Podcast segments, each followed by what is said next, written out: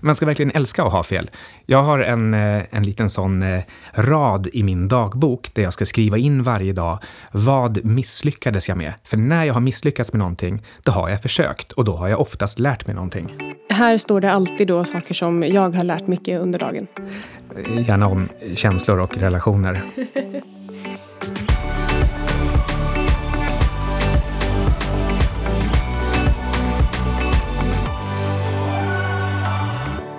Hej Anna.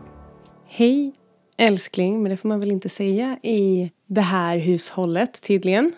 Vad ska vi prata om idag? Idag, eh, vi kan prata lite om min eh, senaste fascination sedan några timmar tillbaka. Nämligen eh, John König och så tänkte jag att vi kunde koppla det lite till hur man med insikter om sonder, okkulism och eh, anekdok kan bli en bättre investerare och faktiskt en bättre person också. Så i grund och botten så handlar det om att lite konstiga ord har gett dig inspiration till att söka nya perspektiv? Ja, exakt. Ska vi börja med begreppet sonder? Mm, det var faktiskt du som eh, berättade för mig idag vad det handlade om och eh, då var jag ganska snabb med att googla fram den här eh, John König som har skrivit något som kallas för The Dictionary of Obscure Sorrows. Men vad, vad betyder sonder? Mm, alltså den här boken den innehåller alltså flera hundra olika känslor som han mer eller mindre har hittat på.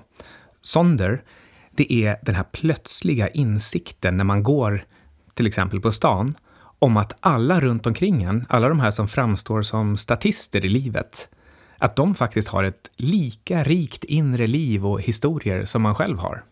Och anledningen till att jag tyckte att det här var så intressant och direkt ville läsa mer om är att jag skriver just nu min andra bok som släpps i januari 2019 och i den pratar jag bland annat om sociala filterbubblor och vikten av att kunna ta till sig andras perspektiv och försöka förstå omvärlden genom att förstå andra människor.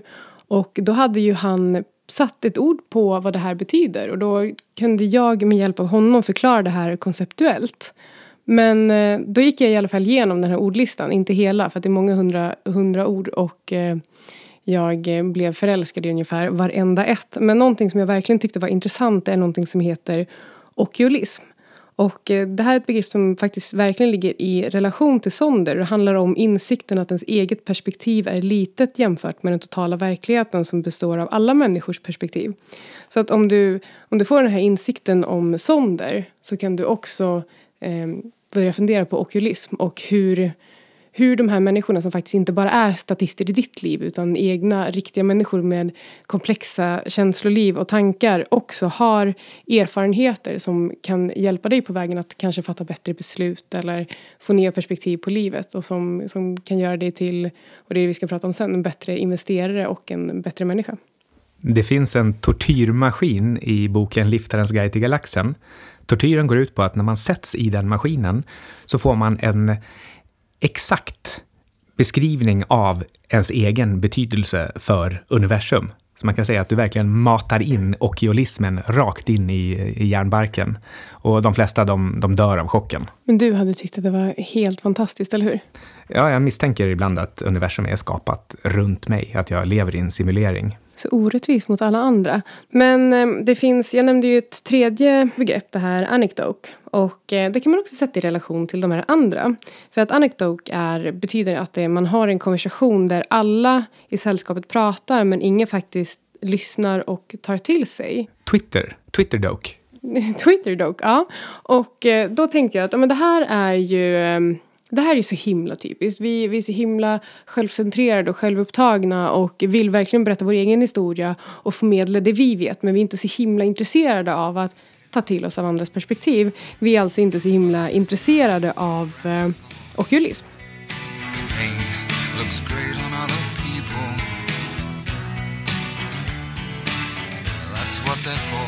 Jag lyssnar ganska mycket på TED-talks och där har jag bland annat fått med mig att människans förmåga att resonera, den bygger egentligen inte på någon vilja att systematiskt hitta sanningen, utan det är mer ett sätt att socialisera.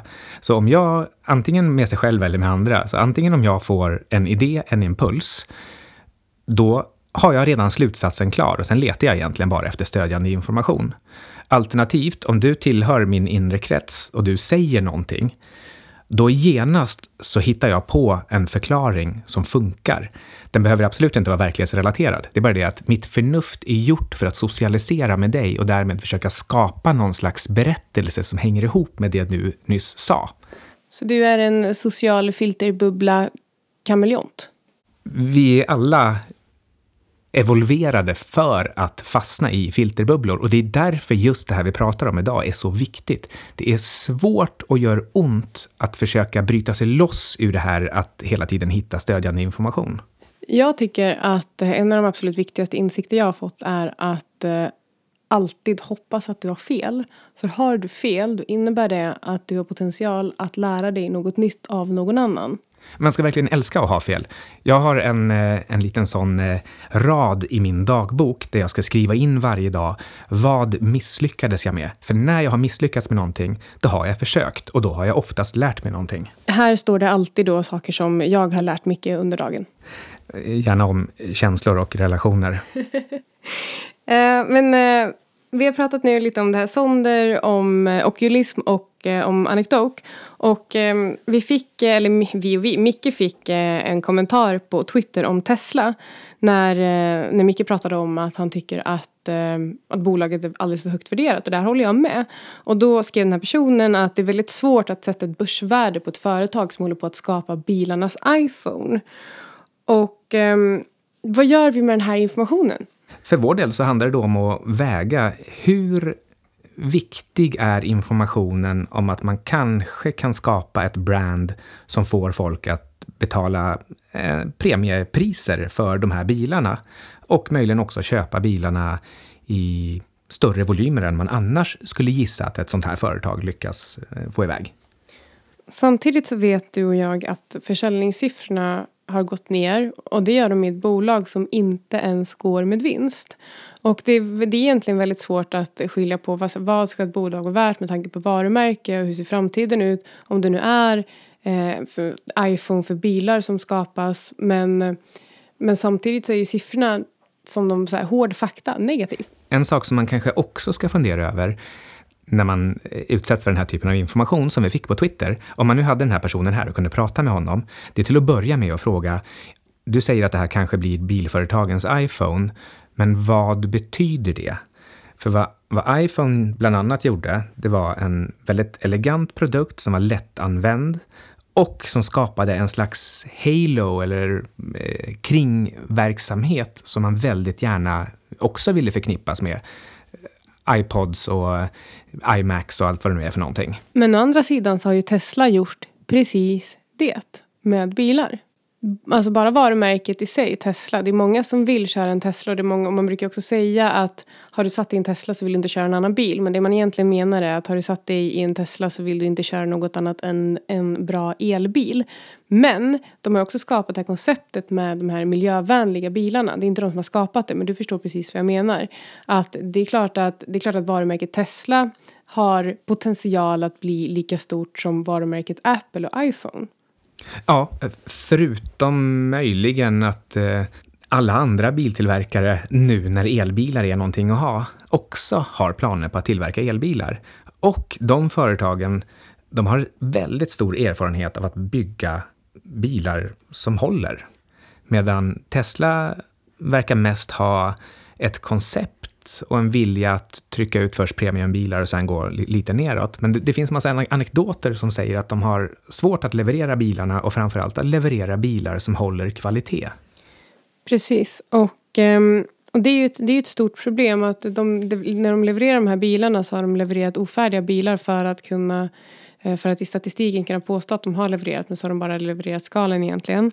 Om man, om man tittar på hur försäljningssiffrorna har gått ner så kan man ju anta också att word of mouth bland de som redan äger en Tesla kanske inte är så bra.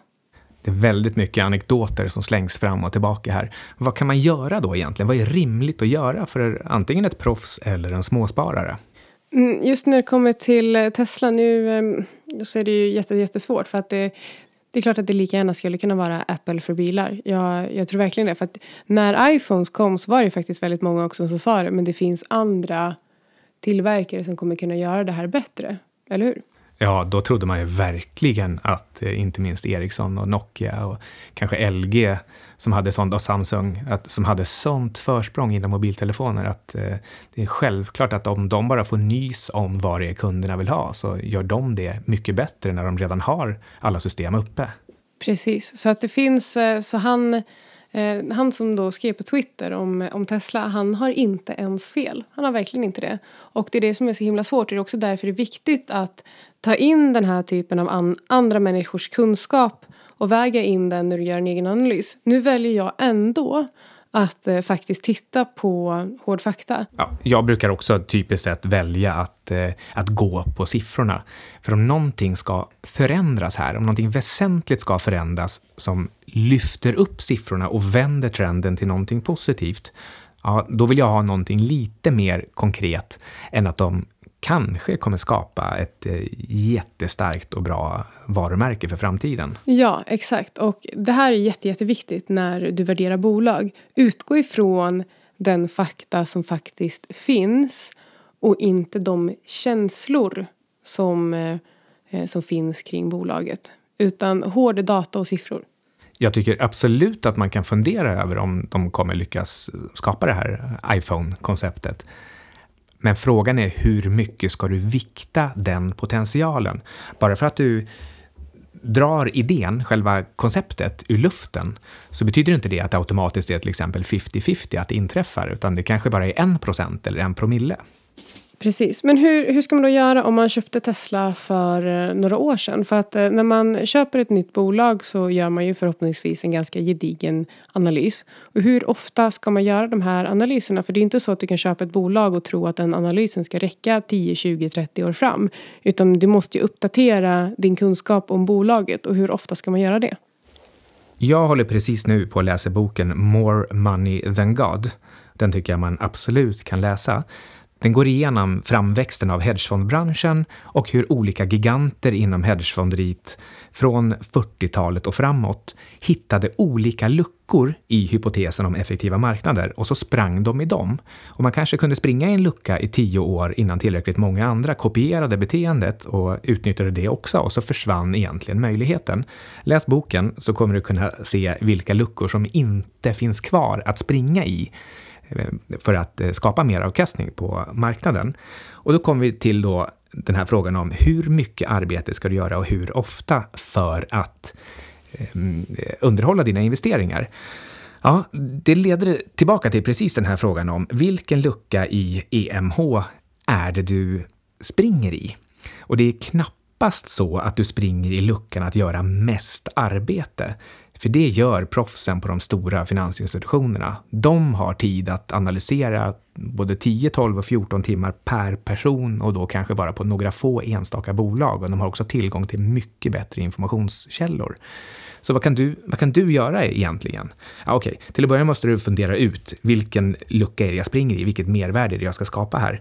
Men eh, för att svara konkret på frågan så tycker jag att ett rimligt sätt att göra det här på, det är att en gång om året ta till dig till eh, det som sägs på bolagsstämman och det som skrivs i årsredovisningen, för då får du allt väldigt enkelt samlat på ett enda ställe och du kan fundera över har världen och bolaget och situationen och värderingen ändrats på ett sådant sätt att jag inte längre tycker att det här passar i min totala strategi? Precis, och eh, där måste du också lägga till värderingen. Eh, för det du också måste fundera på är, skulle jag köpt bolaget idag? Och eh, om värderingen är för hög och du inte hade köpt, hur vet man då om man ska behålla bolaget eller sälja det? Ja, vad, vad tycker du själv? Jag, jag tycker att det är... Eh, det finns, det finns ett kortsiktigt svar, det finns ett långsiktigt svar. Om värderingen är för hög och du inte hade köpt bolaget idag, då ska du inte ha det i din portfölj på lång sikt, punkt slut.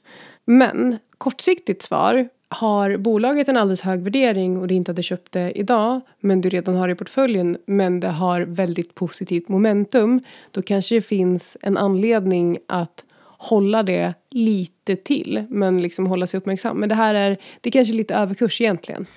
Jag tycker att oavsett om det är momentum eller värdering eller någon annan typ av eh, extern information eller signal som gör att man skulle vilja äga en aktie. på kort eller lång sikt. Oavsett vilken av de här punkterna det är, så antingen så är parametrarna uppfyllda för att äga bolaget, eller så är de inte det. Om parametrarna inte är uppfyllda, då ska man sälja bolaget tycker jag. Men vad, vad ska man tänka då? Du säger att så här, vad oavsett eh, att du tycker att det är svart eller vitt. Antingen så vill man äga bolaget eller så vill man inte det. Men eh, jag tycker att vi kan absolut koppla det till eh, Martin Sandqvist som sa att låt aldrig gav avgöra om du ska köpa, sälja eller behålla ett bolag. Och eh, det här vill jag också koppla tillbaka till Mark Spitznagels. Jag vet att eh, jag har pratat om honom en och två och tre gånger förut. Men han menar ju på att ofta kan det vara så att en otillräcklig analys leder till att man kallar för långsiktig investering. Så var inte den personen som gör en analys och sen efter fem sex år fortsätter kalla det för långsiktig investering fast du egentligen inte vid det här laget har koll på bolaget längre för att du inte har gjort någon uppdaterad analys. Jag är självklart skyldig till att behålla investeringar som eh, kanske har blivit för dyra eller där jag inte har lika bra koll på informationen som jag hade när jag gick in. Eller något annat eh, felslut. Det är väldigt mänskligt. När man äger någonting, då har man en tendens till att vilja fortsätta äga det och till en mycket högre kostnad än man hade varit beredd att eh, anskaffa det från början. Det, det är väldigt mänskligt. Men allting här går ju ut på att försöka vinna över de här dåliga psykologiska felsluten som, som vi människor ständigt gör. Och det kan vi göra genom att ta till oss andras perspektiv, erfarenhet och kunskap. En grej som man kan göra, och som jag har gjort och som de gjorde i The Big Short och som man kanske kan göra på Tesla nu, det är att göra ordentliga undersökningar av förutsättningarna för ett bolag. Alltså att man på riktigt tar till sig ett statistiskt urval, en relevant mängd av andra människors perspektiv. Berätta om hur du gjorde det med Elekta. I Elekta, alltså 1996, då jag tänkte att det är inte så många som använder e-mail som analysverktyg, då hörde jag av mig till alla hjärnkirurger i världen som jag kunde få tag på adresser till och hörde efter om, eh, om de var intresserade av Elektas strålknivar för hjärntumörer, om eh, deras eh, avdelningar hade budget för det, vad som krävdes för att få budget, om de eh, trodde på teknologin och var beredda att som, ja, de, läkare är ofta lite konservativa, vilket är bra så att de inte gör massa dumma experiment på andra människor.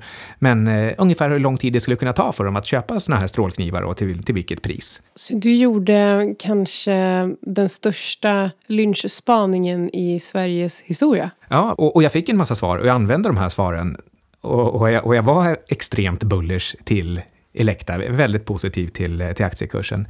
Tyvärr så hände lite andra saker, så kursen gick ner en, en hel del, alltså typ 70-80 procent. Så din erfarenhet säger att lynchspaningar kanske inte funkar ändå, även om du la väldigt mycket arbete på det? Den som har bäst information har inte alltid de bästa insikterna. Det var klokt, tycker jag. I till exempel filmen The Big Short, då gjorde de en, en seriös marknadsundersökning. De åkte iväg kollade på låntagarna, tittade på hur husen såg ut, frågade folk hur mycket lån de hade, frågade de som gav ut lånen vad de hade för kriterier. Det funkade. Men det här var ett komplement till en annan väldigt, väldigt djupgående analys, eller hur? Alltså min Elekta-undersökning? Eh, ja, det hoppas jag också, men jag tänker på, på The Big Short. Jo, Verkligen. De, eh, de hade väldigt mycket resurser, de som gjorde det här. De satt ju faktiskt lån för lån och kollade hur lång tid det hade gått sedan de betalade senast, till exempel. Mm. Och sen eh, ville de kolla också det underliggande. Varför har det gått så här lång tid? Hur ser det ut på, på, liksom på den andra sidan? Hur känsligt är det för om huspriser skulle falla? Kan huspriser överhuvudtaget falla? Finns det en mekanism för det? Eller kommer bankerna att täcka upp och se till att ingen liksom riktigt blir synad på sina lån? Och det var det de verkligen kollade upp. Vad kan man göra? För nu sa du att en sak man skulle kunna göra är att samla in den här informationen och sen så sa du också att och det gjorde jag och det gick inte.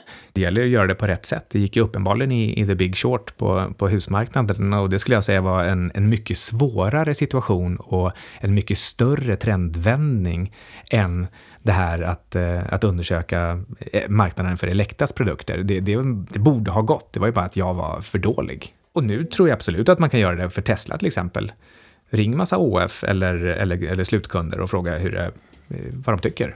Ja, fine. Låt, låt lynchspaningar ha en roll men du ska inte basera en analys på bara det. Och du ska inte heller låta det förstärka. Äg inte H&M och trots att det har gått jättedåligt jätte säga att oh, man, fast jag såg ändå många människor i butiken så därför behåller jag trots att allting annat pekar på att det kanske inte, så, inte går så bra. Så det finns liksom, ehm, det finns flera olika sidor av det här, eller hur? Ja, vi människor är ju gjorda så psykologiskt att vi får en inspiration om en slutsats och sen försöker vi leta stödjande information. Och det är därför som den här typen av marknadsundersökningar, de ska göras på ett sådant sätt att de kan eh, falsifiera annan information snarare än att du går in i dem för att försöka stärka ditt case. Det där tyckte jag var, var väldigt bra sagt och, eh, och att man verkligen ska ta till sig. Men eh, så Sammanfattningsvis så har vi pratat om sonder, okulism och anekdok och deras betydelse för hur viktigt det är att ta till sig andras perspektiv för att bli en bättre investerare och, eh, och medmänniska. Och att man sen ska använda de här andra erfarenheterna, andra kunskaperna och andras perspektiv när man analyserar bolag. Utom när ditt eget perspektiv är det bästa. Det är alltid ditt, eller? Mitt perspektiv har tenderat till att vara det bästa, ja. Grattis! Ja, men då har du lyssnat på outsiders som har andra perspektiv än du. Tack så mycket för att du lyssnade. Hej.